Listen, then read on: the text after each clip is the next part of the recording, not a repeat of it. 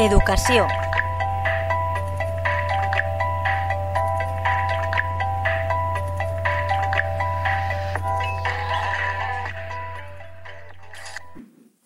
Buenas tardes amigos de la Tegua Radio, bienvenidos al espacio de educación.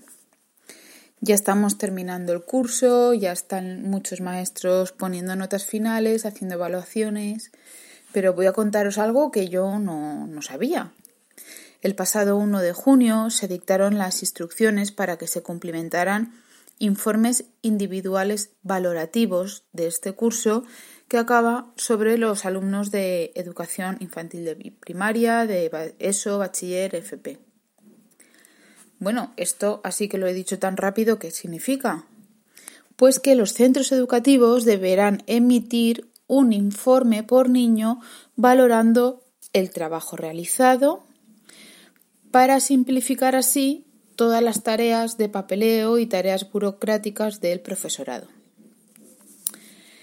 Esta normativa deben cumplirla los centros públicos. Los concertados y los privados deberán de adaptar también esta normativa a la suya propia. Todo esto significa que, además de el boletín de notas, cada profesor va a valorar el trabajo que el niño ha hecho en casa, el que no ha hecho, el trabajo no realizado, incluso el apoyo que pueda necesitar para el curso próximo. Además, como digo, de las notas se entregarán esos comentarios y esas valoraciones de los profesores. Que estos tienen que cumplimentar también el informe para enviarlo a través de la plataforma oficial de Consellería Ítaca. Yo esto no lo sabía, pero me alegraré mucho recibir un informe tan detallado en este caso, además de las notas numéricas. Bien, y dicho esto, voy a pasar a hablar sobre cómo realizar la solicitud de admisión del alumnado de educación infantil y primaria.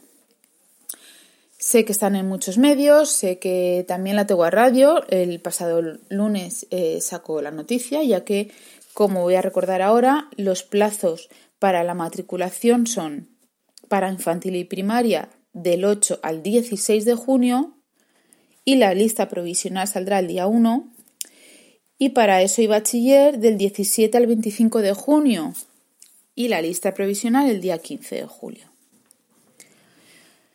Bien, ahora vamos a ver de qué manera, cómo es esa web y qué, necesito.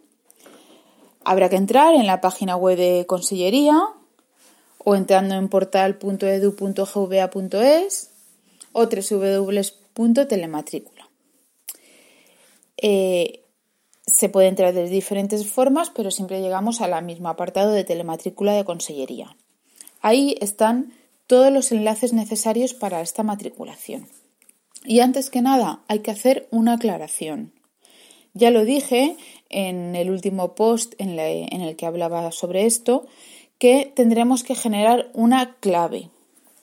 Esta clave se hace desde esa misma página, no hay que hacer ninguna otra cosa únicamente eh, pinchar en el cuadradito de solicitar la clave. Pero es que hay que entrar, o sea, hay que saber una cosa importante. Se usará, o sea, con una clave se usará para una solicitud por cada enseñanza.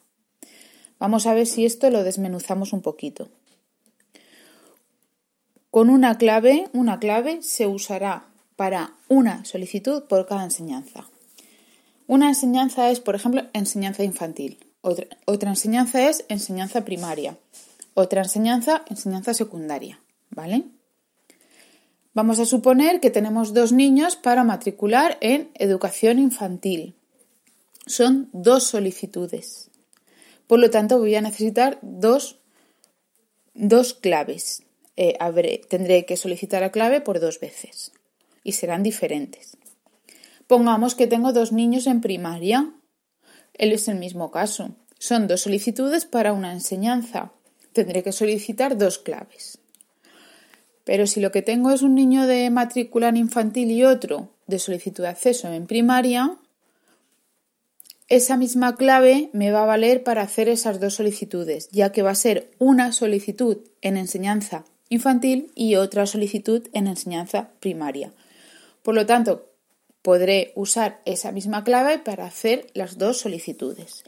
Espero haberme explicado porque esto es un poco lioso, eh, pero a la vez es muy sencillo de entender. Es muy lioso de explicar, pero es muy sencillo de entender.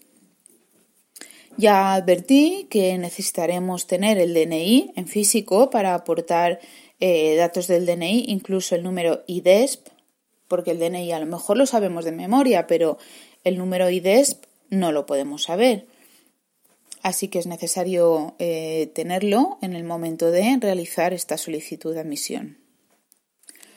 Si disponemos de clave PIN, de certificado electrónico, de otros tipos de códigos de seguridad, eh, este apartado del que hablo ya, del IDESP y todo esto, lo saltaríamos. Pero eso queda bien explicadito en la solicitud. Una vez hemos rellenado estos campos de identificación, eh, nos pedirán un email, rellenamos el email incluso con, la contraseña y enseguida nos llega un enlace al correo electrónico. Desde ese mismo correo electrónico que nos llegan de confirmación, podremos continuar con la, con la matrícula. Repito, en momento introducimos nuestro correo electrónico, nos llega un email de confirmación en el que hay un enlace para poder continuar con esta solicitud de admisión. Una vez ya dentro, únicamente es ir pasando página, rellenando datos del alumno, todo lo que se solicite, hasta que podamos terminarlo, incluso imprimir la solicitud, por si la queremos en papel. Si nos hemos equivocado, si lo hemos hecho mal, eh, se podrán eliminar y volver a hacer en caso de error. Bien, ante esto, he de decir que siempre que tengamos dudas o algún problema que nos haya surgido o algo que no entendemos, o si tenemos falta de medios tecnológicos, siempre se puede acudir a los centros escolares donde os facilitarán todos estos medios y toda la ayuda que necesitéis. Y esto siempre es, todo este trámite es la normativa. Es decir, es la forma para todos igual para hacerlo. Ahora bien, habrán centros escolares que pueden haber hecho algún otro tipo de organización, siempre facilitando un poco este periodo de matrícula a las familias. Eso ya depende de cada centro. Con todo esto, esperemos que el inicio de curso sea más tranquilo y más seguro que este final de curso y que hayamos aprendido algo, al menos a avanzar tecnológicamente. Un saludo amigos y nos vemos la semana que viene.